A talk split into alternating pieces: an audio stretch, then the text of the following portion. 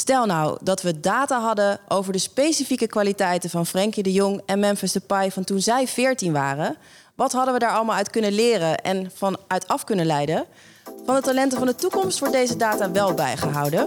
Hoe dat werkt hoor je in deze aflevering van nummer 11.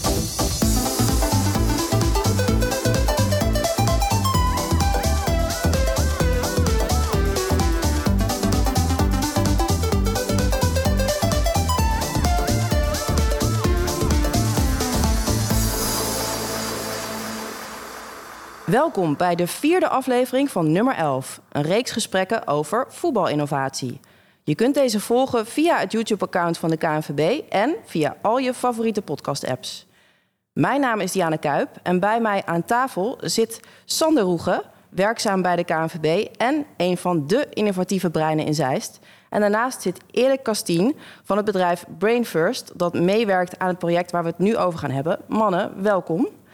We gaan het deze aflevering hebben over de Talentenmonitor. Een project waarbij de ontwikkeling van jeugdspelers in het betaald voetbal inzichtelijk wordt gemaakt op basis van data. Sander, mag ik bij jou beginnen? Waarom zijn jullie dit, uh, dit project uh, gestart? Uh, ja, dat is een goede vraag. Ehm, ik denk dat er inmiddels niet alleen de maatschappij, maar ook in de sportwereld geen ontkomen meer aan is. Als het gaat om data. via allerlei wegen, kanalen wordt de data verzameld. Uh, en die data die wordt natuurlijk uh, geprobeerd om die zo goed mogelijk te interpreteren. Om daar je voordeel uiteindelijk mee te doen. Ja. Um, nou, data verzamelen, dat doen we al uh, deels bij de KNVB, of deden we al deels. Dat doen, nee, doen moet ik zeggen. Um, want wij hebben via Sportlink hebben we een aantal gelegenheden, mogelijkheden om spelers en hun carrièrepad eigenlijk te volgen. En dan moet je voornamelijk denken aan wedstrijdminuten, maar ook instroom, uitstroom, hoeveel clubs heb je gespeeld. Uh, en die data gebruikten we eigenlijk al, of die gebruiken we nog steeds. Uh, maar we vonden het interessanter om nog breder te kijken. En um, met name om uh, talentontwikkeling, talentidentificatie in beeld te brengen. Ja. middel van data. Met als doel, en dat is eigenlijk waar we volgens mij als KNVB voor moeten staan. Om te kijken of we de clubs daarmee kunnen ondersteunen. en adviseren en feedback kunnen geven in ja, hun, de manier waarop zij talent ontwikkelen. Ja. In hun jeugdopleiding in dit geval. Ja, want we hebben het over jeugdspelers. Jullie uh, testen ze op verschillende domeinen. Op uh, welke domeinen kijken jullie? Ja, er zijn eigenlijk uh, de talentenmonitor in de basis behelst eigenlijk drie domeinen. dat is fysiek-motorisch, -huh. cognitief en um, psychosociaal-mentaal. En dan is er eigenlijk nog een vierde pijler, maar die staat er een beetje buiten, maar is wel een hele wezenlijke. Um, en die behoeft ook nog wel wat ontwikkeling in dit traject, maar het gaat over wedstrijddata. Oké. Okay. dus hoe uh, ontwikkelt een voetbaltalent zich ook in de daadwerkelijke voetbalcontext? Nou, en die drie domeinen daarvoor, dat zijn allemaal, uh, zoals dat zo mooi heet, geïsoleerde testen. Dus het is interessant om te kijken hoe ver iemand kan springen. Uh, maar dat zegt natuurlijk nog niks over hoe hij het spelletje speelt. Dus die laatste pijler of dat laatste domein is zeker een hele belangrijke uh, belangrijke. Dus data in de daadwerkelijke voetbalcontext. Ja, ja.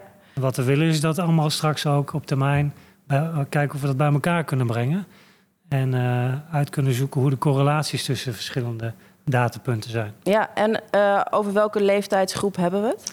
Ja, we hebben nu voor gekozen om te beginnen bij onder 13. Eigenlijk ja, min of meer de start van een jeugdopleiding. Tenminste, dat we zelf, dat we zelf als KVB ook voorstaan. Tot en met onder 21. Oké. Ja, dus eigenlijk dat hele, hele carrièrepad ja. van een uh, jeugdspeler tot aan het eerste elftal. Ja. Erik Kastien, jij bent van het bedrijf Brain First. En jullie hebben het cognitieve deel voor jullie rekening genomen. kan je uitleggen hoe jullie dat doen? Jazeker, dat uh, doen we door um, nou, enerzijds zeg maar, zo ruim duizend uh, profspelers uh, te hebben gemeten op onder andere patroonherkenning, hoe snel ze informatie verwerken, hoe snel ze hun aandacht kunnen verplaatsen. Hoe meet je dat? onderdelen.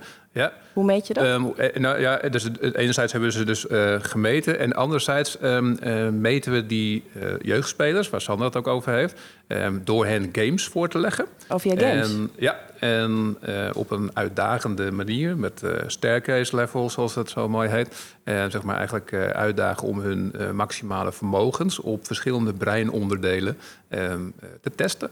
En dan krijg je heel goed in kaart hoe de unieke bedrading tussen de oren zeg maar, loopt en werkt. Ja, ik uh, ben niet echt thuis in games, dus ik stel me nu een soort van Super Mario uh, voor. Kan ik me daarmee vergelijken? Nou ja, uh, zeker. Um, nog zelfs wat basaler. Ik zou eerder denken aan Pac-Man bijvoorbeeld. Oké. Okay. Um, waarom? Omdat eigenlijk van 8 tot 88 jaar mensen de games ook doen bij ons. Um, en ook uh, jeugdspelers met name. Dus uh, het meteen moeten snappen dat je niet al een, uh, een achterstand hebt als je de games niet snapt. Nee. Of, of, bijvoorbeeld nog nooit hebt gespeeld en waarbij anderen die het wel hebben gedaan voordeel hebben. Dus je wil ze zo basis mogelijk zeg maar, um, aanbieden. Um, en dat doen we door ja, breingames te, aan te bieden. Ja, ja.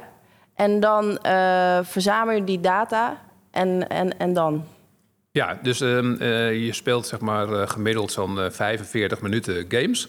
Um, die stellen dus allemaal van die verschillende onderdelen zeg maar, op de proef. En dan komen aan de achterkant komen er zo'n zo'n 1500 datapunten uit. Ja. iedereen doet het op volstrekt eigen manier. Dat komt overeen met ieders unieke brein. Hun brein is net zo uniek als iemands vingerafdruk. -huh. um, en dan vervolgens met die, die dataprofielen kun je dan eigenlijk een match maken met datgene wat voetbal vraagt. Uh, dat is eigenlijk het, het, het eliteprofiel. En dan leg je het op elkaar. En dan heb je in meer of mindere mate een match. Oké. Okay. Sander, doen jullie dit met alle betaald voetbalclubs? Of bieden jullie dat aan iedereen aan? Of hoe werkt dat? Nee, dat was initieel wel de gedachte. laten we dit met z'n allen doen. Want het is ook, ook weer bedacht vanuit het idee dat je met elkaar het Nederlands voetbal op een hoger plan wil brengen. Dus het aanbod is aan alle clubs, in dit geval aan alle HO's, gedaan. Um, en er zijn uiteindelijk 25 BVO's die daar nu onderdeel van zijn. 25? Ja. Dus niet iedereen? Nee, niet iedereen. Nee. dat mag natuurlijk, dus dat, dat staat vrij. Maar Want wat, is wel... wat zou de reden zijn om niet mee te willen doen? Bijvoorbeeld? Nou, er zijn, kijk, er zijn natuurlijk de topclubs, Ajax, PSV, Feyenoord, AZ. ik hoop dat ik niemand tekort doe. Um, die uh, ook gewoon embedded scientists uh, zeg maar zelf al in huis hebben en heel veel van deze testen ook doen. Um, en in eerste instantie er nu voor gekozen hebben, zoals ze dat zo mooi zeggen, om nog niet aan te haken. zij willen graag kijken hoe het zich ontwikkelt. Um, om te kijken of ze misschien in een later stadium nog uh, zouden kunnen instappen. Oh ja. Maar voor ons is het ook vooral belangrijk om de clubs die die faciliteiten bijvoorbeeld niet hebben, om die ook juist te ondersteunen met dit, dit traject. Ja. Um, omdat zij ja, nogmaals, uh, of de FTE's of het budget er niet voor hebben. Um, en ja, wij daar uh, toch een facilitaire rol in willen spelen. En ja, nogmaals, als gezegd, uh, van ons belang om te kijken of we met de inzichten het algehele Nederlands voetbal op een hoger plan kunnen brengen. Ja. En daarmee helpen deze 25 clubs natuurlijk mee. Ja, en wat onze langere ambitie is ook om te kijken of we die inzichten die we opdoen, of we die ook kunnen laten indalen in de amateurwereld. He, dus oh, zijn, zijn okay. er inzichten op termijn uh, die we eigenlijk ook terug kunnen geven op amateurniveau. Um, ja, vraag me niet gelijk wat dat dan is, hè, want het, het is echt een ongoing uh, project ook, waarin we nog heel veel, veel moeten leren. Ja. Uh, heel, elkaar heel veel vragen moeten stellen, veel dingen moeten onderzoeken. Um, maar zoals gezegd, 25 BVO's, super blij mee. Ja, want stel, even praktisch. Ik ben hoofdjeugdopleiding bij Vitesse. En ik wil weten hoe mijn spelers zich verhouden tot uh, de jeugdspelers van NEC. Ja. Kan dat? Ja, dus wat we eigenlijk doen is, we nemen al die testen af. En wat wij teruggeven aan de clubs, dat doen we geanonimiseerd. Dus eigenlijk Anoniem? Op, ja. Dus wat wij doen is, wij geven inzichten terug op, op clubniveau en op teamniveau. Dus je kunt zien hoe jouw onder 16 zich tot, tot jouw onder 17 verhoudt. Ja. Hè, binnen een bepaald domein. Maar je kunt ook zien hoe jouw onder 16 zich ten opzichte van het gemiddelde van alle onder 16's verhoudt. Hè, van alle onder 16's die meedoen. Uh, dat is wat wij doen. En dan geven we daarbij uh, uh, tips en tops. Um, en daarmee hopen we de, eigenlijk de, de, de, jeugdopleiding te triggeren. Om na te denken over het beleid, over de keuzes die ze hebben gemaakt. Ja. Ze misschien andere keuzes zouden kunnen maken. Um, ja, en, um, en natuurlijk komt dan de vraag, ja, maar uh, hè, dus ze krijgen een, een visueel uh, uitslag. En daar zien ze hoge scores en lage scores. En dan zeggen ze, ja, maar ik wil weten wie die hoge scores zijn. Ja. Of ik wil weten wie die lage Precies, dat wilde ik net vragen. Ja, en dat volledig terecht. En waar, wat wij ook hopen, en we werken dus met drie partners, is dat uh, dan de slag wordt gemaakt. Hartstikke goed dat je dat wil weten. Ook super belangrijk. Als je die ruwe data wil en je wil op individueel niveau aan de slag Nou, dan verwijzen wij in dit geval bijvoorbeeld door naar Erik. en dan kan ik aan Erik vragen of hij het me wel kan geven. Dan moet ik voor betalen dan? Ja, dus dan krijg je een, een, een, een commerciële overeenkomst, zo noem ik ah, het maar even. En nu als KNVB, op dit niveau kunnen wij dus... dus we hebben subsidie voor vrijgemaakt, of budget moet ik zeggen... Uh, maar wij hopen van harte dat alle clubs ook die verdiepende slag zouden willen maken. Ja. ja. Maar staan alle clubs er wel voor open eigenlijk om hun data uh, openbaar te maken? Want het is natuurlijk ook een beetje het geheim van de smid weggeven. Welk geheim hebben zij? Nou ja, stel dat zij bijvoorbeeld zorgen dat ze ergens heel goed in zijn met een bepaalde trainingsmethode, dan kan ik me ook voorstellen dat ze dat niet uh, willen weggeven. Nee, nou, ehm, ik denk dat je dat ook op deze manier nog steeds niet weggeeft. Nee. En, de manier waarop je uh, talenten traint, dat uh, staat eigenlijk los van vraag van in wie besluit je te gaan of blijven investeren. Um, en ik denk dat um, uiteindelijk je samen, en dat is ook denk ik de gedachte van uh, en van de KNVB, dat je samen uiteindelijk meer weet. Um, en dat je uh, de, winst kan pakken met dit project. dit project richt zich eigenlijk met name op het bewustwording en educatiestuk. En als je echt het kwartje hebt zien vallen op je eigen scherm. Dat je denkt van verrek, dat wil ik inderdaad weten. En dat kan dus, ja, dat kan. Ja, dat dan zeg maar iedereen vanzelf wel komt. Ja. ja. Maar weggeven van het geheim zie ik niet. Ik zie eerder van, van het um, toegankelijk maken van het geheim voor iedereen. Ja, ja oké. Zie jij dat ook niet zo, uh, een, nieuw, een nieuw geheim. Nee, ik, ik zie het ook totaal niet zo. Ik, uh, kijk, stel dat wij allebei dezelfde data hebben, maar uh, Erik is hoofdopleiding van Emmen en ik van Pexolle. En we hebben precies dezelfde data en, en dezelfde methodieken. dan zijn het de mensen die wat mij betreft het verschil maken. Ja. Hè? Dus, dus die, die met die kennis aan de gang gaan, daar vragen over stellen, dingen bij elkaar brengen, uh, in de praktijk in staat zijn of niet in staat zijn om het over te dragen, om het trainbaar te maken. Dus ja, ik geloof niet zozeer in het geheim van de smid. Ik denk dat als je het op een grote hoop gooit en met elkaar deelt en het bevraagt, dat je uiteindelijk veel, nog veel beter uh, je eigen talent kunt ontwikkelen. Ja. Mijn overtuiging. En vind je ook niet dan misschien het een beetje scheefgroei bevorderen op het moment dat natuurlijk clubs uh, wel met jou een deal sluiten en zeggen geef mij openbaarheid, is dat wel eerlijk. En ik uh, maak even het uh, eerlijk tussen aanhalingstekens. Dit is een podcast natuurlijk, maar hoe zie je dat? Ten opzichte van degene die dat niet doen. Die, dat, die misschien niet het budget hebben om nou, die data bij jou te kopen? Ik denk, als je het daar toch over hebt, ik denk dat weet niet of dat een, echt een reden is van de KNVB om, dat, eh, om die reden te doen. Maar ik, mhm. ik, kan me voorstellen juist dat als je wil dat iedereen, uh, elke club eigenlijk uh, toegang heeft tot dezelfde soort data. En je merkt in de praktijk dat er eigenlijk al scheefgroei ontstaat door de clubs met een groter budget. die dus inderdaad hun eigen data-afdelingen en dergelijke. en de rest achterblijft of dreigt te blijven. Nou, dat je juist met dit soort initiatieven ehm, de nivellering probeert te realiseren. Ja. Dus ik denk dat daar juist uh, omgekeerd een verhaal ligt. Snap wat je zegt, ja. ja. Nou, ik, volgens mij bedoel je ook dat, dat kijk, als een club wel met jou in zee kan en daar de financiën voor heeft, dan, dan kunnen ze natuurlijk veel meer ruwe data herleiden, weten ze ook wie wie is en zouden ze nog betere keuzes kunnen maken. Ja. Dan dat wat wij ze nu aanbieden, mogelijkerwijs. Ja, ja nee, dat, dat klopt. En dan um, ben ik ervan overtuigd dat um, datgene wat het je kost, staat niet in verhouding tot wat je op gaat leveren. Oké. Oké. Zeg, dat zegt natuurlijk elke commerciële. Ja, ja. nee, ja maar ja, dat is ook goed. toch over scheef groeien. Ja. Uh, je moet ook, vind ik ook, uh, ook overtuigd zijn van de keuzes die je maakt, weet je. En, uh, ja. Ja, dat heeft ook weer met beleid en visie te maken, dat je, wat je als club hebt. Dus als je een idee hebt over hoe je je talent wil ontwikkelen... en je zegt, nou, cognitie is daarbij een hartstikke belangrijke mhm. pijler... dan moet je daar, denk ik, ook in investeren. Ja. Het gaat niet over tonnen of miljoenen, hè? Nee? nee. En wat voor bedragen hebben we dan? Nou, bijvoorbeeld 25.000 euro per seizoen. Oké. voor een volledige licentie. Dus. Ik noteer dit, want mannen, zoals elke aflevering hebben we een vraag van een bekende amateurvoetballer. Dit keer komt Stef Nijland, voormalig profvoetballer, nu uitkomend in de derde divisie voor DVS 33 in Ermelo. Even luisteren. Hallo allemaal, mijn naam is Stef Nijland. Ik heb een groot deel van mijn carrière mogen voetballen in de Eredivisie. Ik speel nu voor DVS 33, dat uitkomt uh, in de derde divisie. We hebben onlangs nog een heel mooi bekeravontuur gehad met een wedstrijd tegen Vitesse. Mijn vraag aan jullie is, kunnen jullie zien of een speler het potentieel heeft om net als ik in 2014 te scoren in een Johan Cruijffschaal?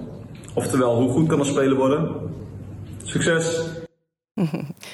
Eerst even naar jou, Sander, als uh, oud-Zwollenaar en uh, ook uh, oud-Zwolle-speler. Kijken we naar de held van Zwolle dankzij dat doelpunt waar hij het over heeft tegen Ajax toen in 2014? Wat is precies je vraag? Nou, is het een beetje een soort Zwolle-held? ja, nou, ja, voor mij is, is Stef in die zin al een held, omdat ik vind dat hij als voetballer en als mens gewoon prachtige dingen heeft laten zien. Ja. Um, maar hij was natuurlijk een begenadigd talent jonge leeftijd. Ehm, en ik denk dat je op, op en of data dan, kijk, je hebt natuurlijk enerzijds data en laten we anders zeggen, andere kant het oog van de meester. De scouting bijvoorbeeld. Kijk, ik denk dat je met het traject of het project wat wij nu doen, dat je in ieder geval een aantal facetten die talent zeg maar onderscheidend maken, dat we die in beeld gaan krijgen. Ja, en ik denk dat als we dat dus in die tijd uh, met Stef hadden gedaan, dan had hij ook op een aantal facetten had hij gewoon uh, bovengemiddeld gescoord. Um, nou, en hij heeft uh, toen met, met, zijn leeftijd ook kunnen laten zien dat hij dat in het veld ook te gelden kon maken. Um, maar ja, het palet zeg maar om uiteindelijk de top te halen is zo divers en zo groot. Hè, en het dus, te blijven. Ja. En het te blijven ook nog. Ja, dat het, het, het, ik denk dat we de heilige graal nooit gaan vinden. Nee. Dat maakt het misschien ook leuk. Um, maar ik denk dat we met de dingen die we nu doen en die steeds meer gebeuren, je wel steeds dichterbij komt, eigenlijk wat Erik net zei. Aan de voorkant al wat meer uh, en misschien betere keuzes kunt maken in wie uh, ga ik mijn energie en effort stoppen. -hmm. Ik denk dat dat misschien wel steeds meer uh, en beter zichtbaar zou kunnen worden. Ja. En dan nog, die weg is zo lang en het is zo gecompliceerd en zoveel factoren. Ja. Maar dit is ook, hopelijk helpt het ons weer een klein stukje om het beter te doen. Ja, want wat Erik, uh, wat, wat Stef specifiek vraagt is... zou je kunnen zien of iemand in uh, een, een, finale zoals dat zou kunnen scoren? Ik neem aan dat je dat soort dingen natuurlijk niet ziet. Nee. Maar um, Sander zegt net, we zouden wel kunnen hebben gezien... dat hij specifieke kwaliteiten had. Wat, wat denk je dat je bij Stef had kunnen zien? Um, nou, ik ken uh, Stef als voetballer onvoldoende om dat uh, in detail zeg maar, zo uh -huh. specifiek aan te geven. Um, Eén stapje terug. Um, als je het hebt over het gebruik van data, dan vergelijk ik het graag met de situatie van een huisarts.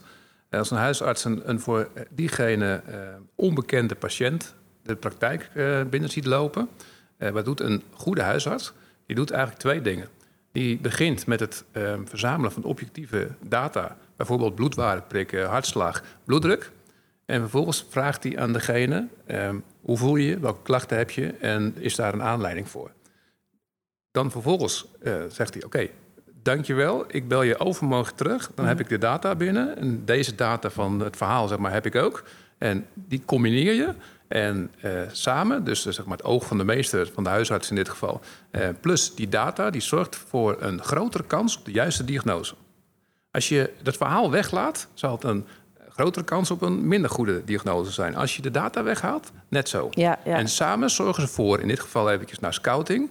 meer terechte toelatingen en afwijzingen in bijvoorbeeld een opleiding. Uh -huh. Dus dat is wat, wat data doet. Ja. En bij Stef zou ik inderdaad uh, hebben kunnen zeggen... van nou, op ons vlak zou hij misschien uh, hartstikke groen qua stoplichtje staan. Maar zijn er andere redenen waarom je het niet gaat halen? Ja, want jij zegt net meer terechte. Vind je dat op dit moment waar de keuzes op worden gemaakt bij de scouting uh, meer, niet meer kansrijk? Ja. En misschien moet, moet, terecht is een, een heel arbitrair begrip, uiteraard. Maar kansrijk in de zin van een, uh, als je ervan uitgaat dat een plek in een opleiding, uh, in dit geval even voetbal, dat die uh, geld kost. Mhm. En dat er allerlei faciliteiten beschikbaar worden gesteld. Dat er uh, expertise in wordt gestoken. Nou, ga allemaal maar door.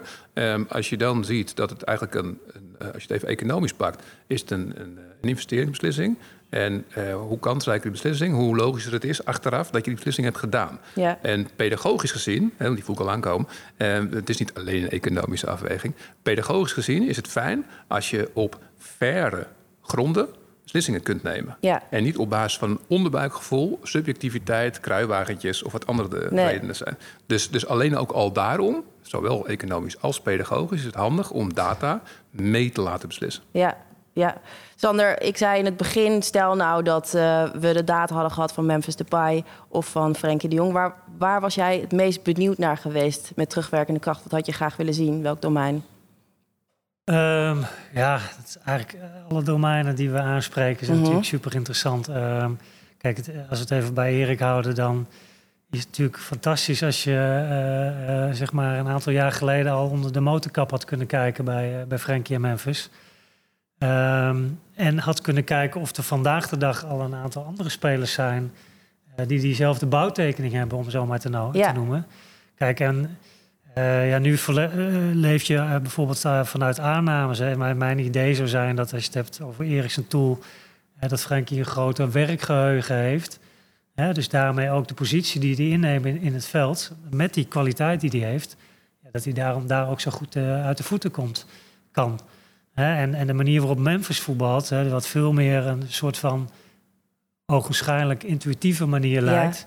Hè, of je dat ook uit de, uit de hersens, uh, hersenfuncties of de bouwtekening, of je dat daar ook uh, uit zou kunnen halen, ja, dat zou super interessant zijn. Ja. En dan nog interessanter, hoe, hoe ontwikkelt zich dat dan door in de tijd? En wat is onderweg bijvoorbeeld wel of niet aangeboden? Hè, uh, dat, dat, ja, Ja. dat zijn, hè, dus, dus wat we nog niet doen, maar wat mij betreft ook wel de toekomst. Het zou super interessant zijn. Welke trainingsprogramma's bied je talenten aan? Dus ga je bijvoorbeeld al wel op uh, 13-jarige leeftijd uh, met fysieke training bezig? Of blijf je daar nog bij weg en start je daarmee later? Ja. En wat is dan de uitkomst? Uh, nou ja, dus er zijn zoveel vragen nog te stellen. Ja. En denk je dat ook door meer naar data te kijken, ook spelers die misschien op jonge leeftijd nog niet zo sterk en snel zijn, misschien een grotere kans krijgen? Of um, ja, omdat die dan beter uit de cognitieve test komen? Is het voor ja, hen? Dat zie je natuurlijk sowieso, hè, dat je um, genoeg uh, bekend ook over het uh, biologische leeftijd, uh, geboortemaandeffect, dat soort thema's. Ja, waarbij, want leg eens kort uit, hoe zit het ook alweer met die geboortemaandeffect? Nou ja, dat, dat zeg maar degenen die vroeger in het jaar zijn geboren, die zijn wat sterker, wat sneller, die zijn fysiek wat verder ja. dan later in het, in het jaar ja. geboren. En in het voetbal zie je vaak dat die jongens er eerder uit ook, worden gepikt. Ja, die worden gezien als de beste Mhm. van hun lichting. Dus die gaan dan naar de selectieelftallen. Die worden door een BVO's opgepikt, et cetera. Zie je ook dat eh, van 14, 15, 16, meisjes ook, ehm, dat je daar ehm, maar, de, de fysiek eh, eh, voorlopers, dat die oververtegenwoordigd zijn. En dat is dan vaak nog wel een eh, behoorlijke correlatie met eh, hun geboortemaand, eh, zeg maar. Ehm, terwijl, en dat is wat je eigenlijk zegt, eh, terwijl die jongetjes en meisjes die dat eh, voordeel van het eh, geboortemaand eh, niet hebben. ehm, en die wel in zo'n opleiding eh, bij een amateurclub of wat dan ook, zeg maar, eh, mee moeten kunnen. Die moeten het wel compenseren, dat achterlopen. Mhm. Met bijvoorbeeld sneller denken of sneller informatie verwerken of wat dan ook. En daar zou je waarschijnlijk. ehm, ja, zeg maar, grotere kans hebben op eh, wie niet sterk is, moet slim zijn. Dat je daar de slimmeren naar Ja, voren haalt. En ja. op een achttiende, zeg maar, zijn ze fysiek allemaal wel behoorlijk bijgegroeid. Ja, en dan zie je de slimmeren echt het verschil maken. Ja, ja. Ehm, Voetbalslimmeren. Zou je daar een soort van verhouding eh, in kunnen aangeven? Wat, wat hoop je?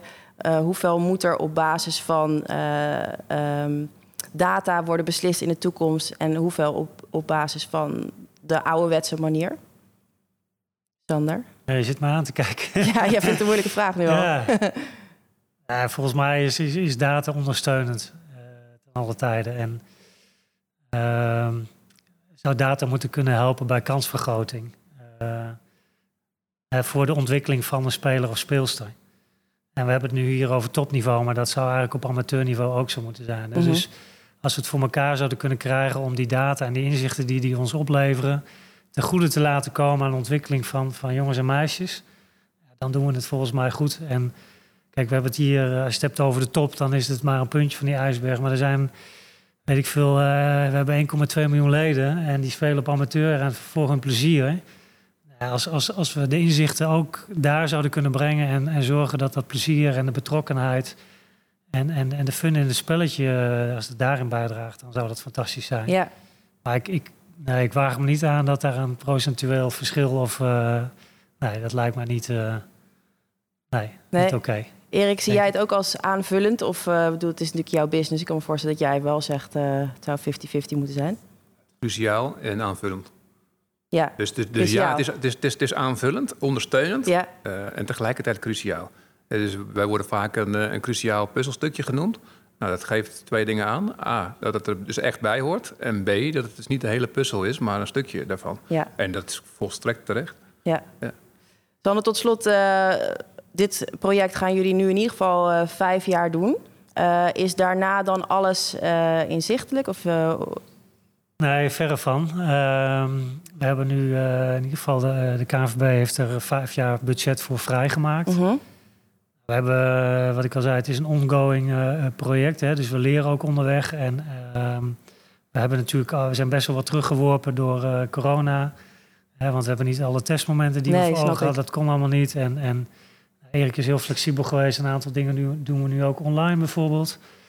Ehm, maar het idee is eh, vijf jaar. eh, maar eigenlijk is de ambitie om het eh, tot in lengte van dagen te doen. Omdat daarmee die data steeds meer waard wordt.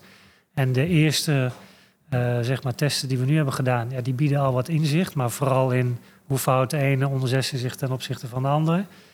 Maar met de data kunnen we voor nu eigenlijk nog relatief weinig. ja, Eh, dus vijf jaar en het liefst eh, tot in lengte van dagen om de, om de data zoveel mogelijk waarde te kunnen geven. ja, Dat is wel het idee. met het doel om het niveau van het voetbal in Nederland natuurlijk te verhogen. Ja, zeker. Ja, nog één dingetje daarbij wat, wat me nog te binnen schoot... is dat, kijk, als KNVB willen wij graag we willen ondersteunen en helpen. Maar we willen ook een neutrale rol nog eh, innemen. Ja, En we hadden het er net al over. Kijk, als je meer wil weten, dan kom je denk ik bij Erik uit. Eh, en dan kun je ook dus eh, echt die diepgang en op individueel niveau eh, aan de slag. En kun je de data ook in je eigen manier van werken inpassen. Maar voor ons is het vooral ja, een- neutrale positie helpen ondersteunen. En op basis van, dat heb ik ook geleerd, longitudinaal hè, eh, onderzoek ja. op termijn die data te gelden maken. Dat is voor ons belangrijk. Oké, duidelijk. Mannen, bedankt. We zijn namelijk alweer aan het einde van deze aflevering van nummer 11 gekomen. Vanaf de KNVB Campus in Zeist. Heel erg bedankt Erik en Sander voor jullie komst. En bedankt ook Stef Nijland voor je vraag. Abonneer je nu op deze podcast via je favoriete podcast-app, zoals Spotify, Stitcher of Deezer. En luister je via Spotify, dan kan je ons vanaf nu beoordelen met sterren. Doe dat ook. En luister je via Apple Podcast, dan stellen we het ook op prijs als je even een recensie achterlaat. Bedankt voor het luisteren in ieder geval en tot de volgende.